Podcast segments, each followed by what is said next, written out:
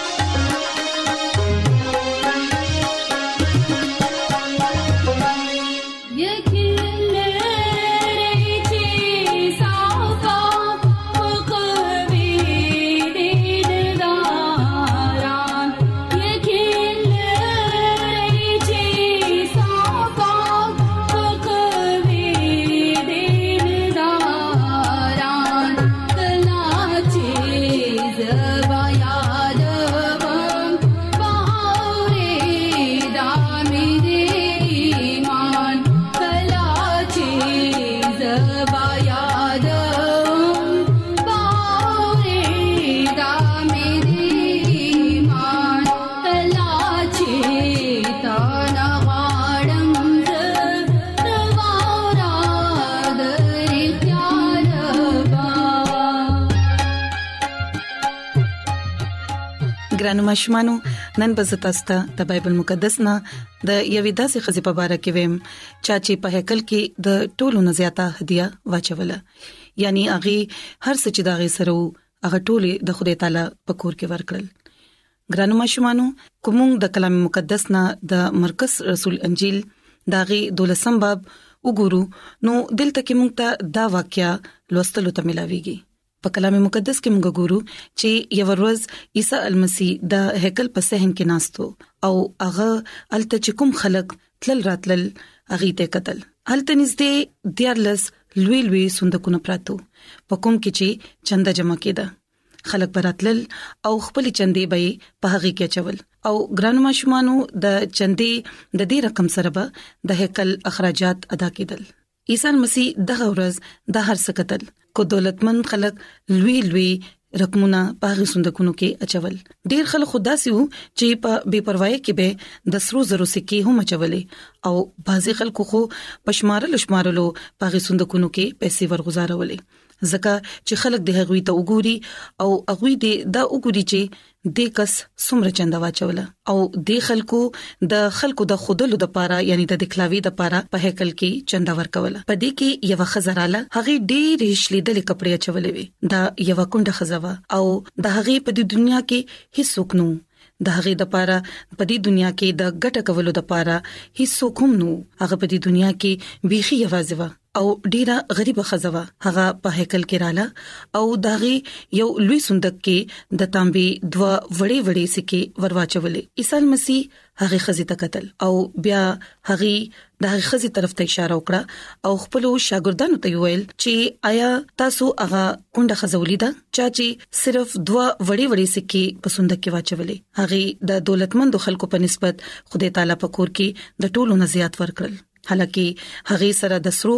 او د سپینو زرو لوی لوی سکه نه وي ګران مشمانو کله چې عیسی مسیح دا خبره خپل شاګردانو ته کوله نو شاګردان د عیسی مسیح د دې خبرې باندې پوه نه شول خو هغه لا دومره ریاضي خورتله چې هغه حساب لګول شو چې چا زیات رقم واچولو عیسی مسیح په هغه باندې مطلب واضح کړلو عیسی مسیح هغه ته فرمایل چې دولتمندو خدای تعالی له دې لپاره زیات ورکړل ځکه چې هغه سره زیاتو هغه سره مال دولت زیاتو د سرو یا د سپینو زرو دومره سکه وي چې هغه سره رستو هم ډیر مالو یعنی چې هغه د خدای په کور کې کوم چنده ورکړل دا غینه پس هم هغه سره دومره مال وو چې هغه د خپل ژوند په پخه عیش شر سره تیرول شو یعنی هغوی د خدای تعالی په کور کې هم دومره رقم ورکړو څومره چې هغه ورکول شو او هغه سره ډیر زیات مال دولت خو د کندې خزي خو خپل هر څه ورکړل هغه سره چې سه هم وو هغه خپل هر څه د خدای په کور کې ورکړل او دا د خدای تعالی په نظر کې د ټولو نه لوی هدیه د ټولو نه لوی چنده ګرانو مشمانو عیسی المسیح خپل شاګردانو ته دا ویل چې هغه کندې خزي سره خو صرف دوا وړي وړي سکه وي کوم چې هغه په صندوق کې ورواچولې او اوس هغه سره باقی اس هم نو چې هغه سره داغه د ژوند گزاره کېده او راتلونکي وخت باندې چې داغه د لپاره داغه سره هیڅ هم نو هغه په خوشاله سره د خدای تعالی په کور کې خپل هر څه ورکړل خو موږ ګورو چې ځنې خلکو د خلکو د خودل د لپاره په هیکل کې چندا چوله چې خلک هغه ته وګوري او دا غوي لوی دی بیان کړي چې خلک دا غوي صفاتو کې تعریف وکړي ګران ماشومانو یاد ساتئ چې خدای تعالی خوشاله سره ورکول والا خوخي کله چې موږ هم خپل هدیه خپل نظرانه په هیکل کې پېښ کو نو د زړه نه پېښ کول پکار دي او خوشاله سره پېښ کول پکار دي ولې چې خوشاله سره ورکول والا خدای تعالی خوخی نو مونږ ته پکار دي چې چاري هم د خلکو د خودلو د پاره د خلکو د دکلاوي د پاره مونږ چاري هم خپل چند خپل هدیه وانه چو بلکې پکار خدا دا چې کله مونږ هدیه یا چند ورکو نو سچ زمونږه غس لاس کوي د هغې نه دي زمونږ خلاص خبر نشي او چې څه خلاص کوي د هغې نه دي غس لاس خبر نشي نو ګرانو ماشومانو یاد ساتئ چې عیسی مسیح د دې کندې خزې په اړه کې مونږ ته خای چې څنګه هغه خپل هرڅ د خدای تعالی په حضور کې ورکړ او خوشاله سره ورکړ د غشان مونږ ته هم د خدای تعالی په حضور کې پرختون زړه سره ورکول پکار دي تاکي خدای تعالی مونږ له خپل ډیر زیات برکتونه راکړي نو ګران مشمانو زه امید ساتم چې تاسو به زموږ نننې بایبل کہانی خوښه کړي او زه دا دعا کوم چې خدای تعالی دې تاسو سره وي او تاسو ته دې ډیر زیات برکتونه درکړي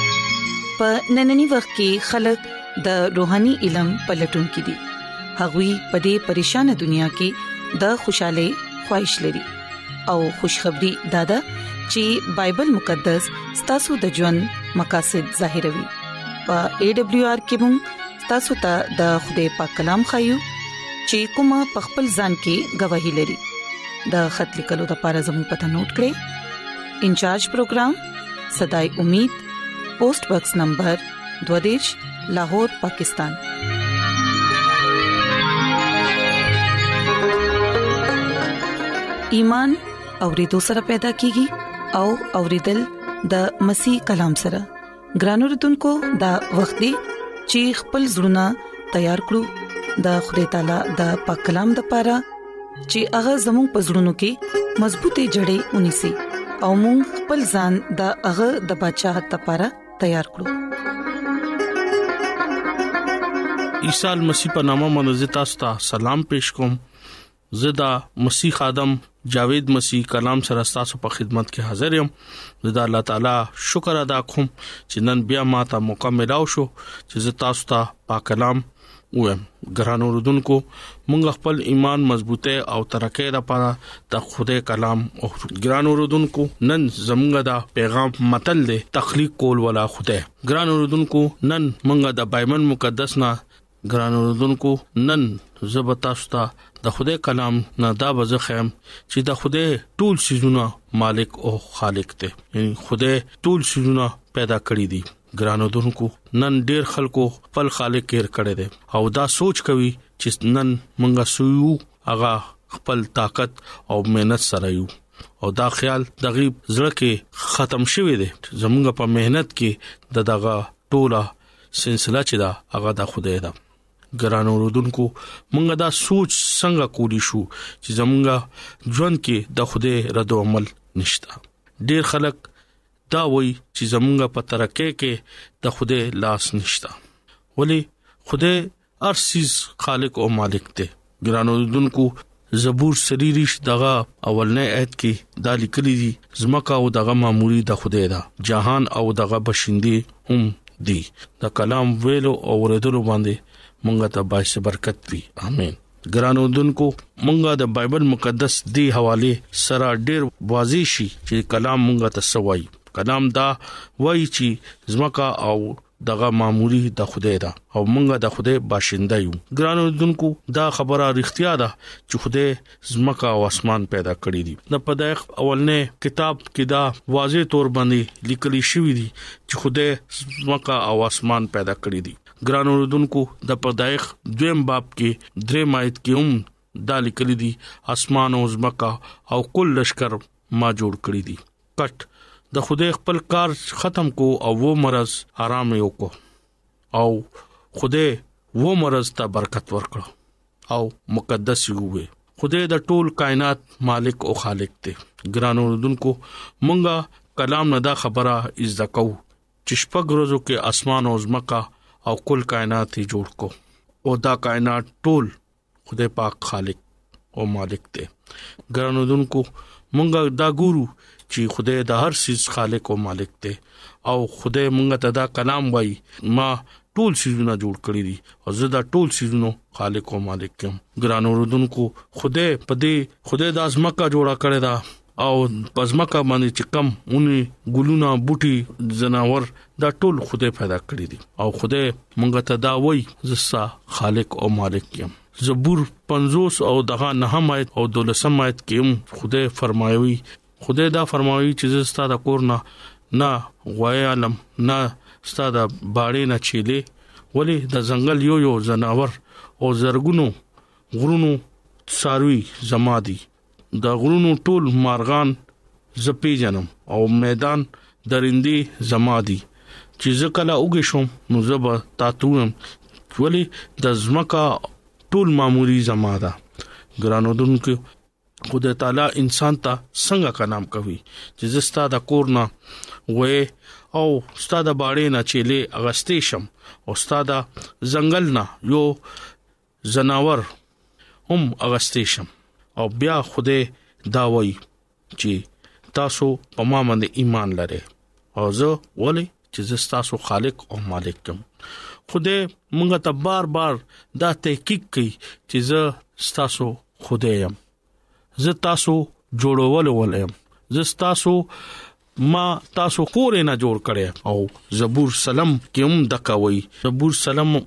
او دا ونه ایت کې دالی وای چې یاد ساته خدای تاسو خدای دی او هغه مونږه جوړ کړیو دا بایبل مقدس نه ډیر واضح تور باندې دا لیکل شوی دی چې ټول سيزونه خالق او مالک خدای تعالی دی هغه مونږه جوړ کړیو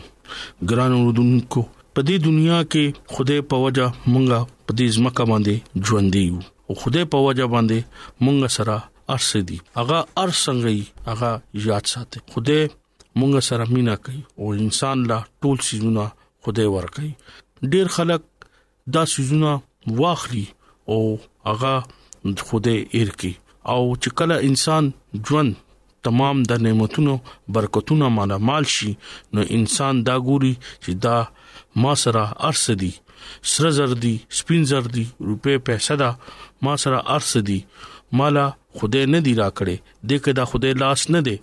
ګران اوردونکو خدای هغه بیا ایر کی خدای نه غلره لاړ شي ګران اوردونکو خدای بیا هغه سرابمینه نه کوي ولی خدای دا وی چې تا لزه برکت ورکوم تا لزه ارس درکوم نو دا د خدای لاسي په انسان باندې چې خدای ولا ارس ورکي ولی هغه د تخلیق بچا دی هغه د جهان بچا دی هغه د دنیا بچا دی هغه ارس انسان لور کوي چې هغه سره چې سی هغه خوده ورکي دا اولاد نه غټ نعمت بل شي نه دی هغه خوده ورکي ګران اوردونکو مونږه د خوده چې سمرم شکر ادا کو هغه کم دی کټ ګران اوردونکو خوده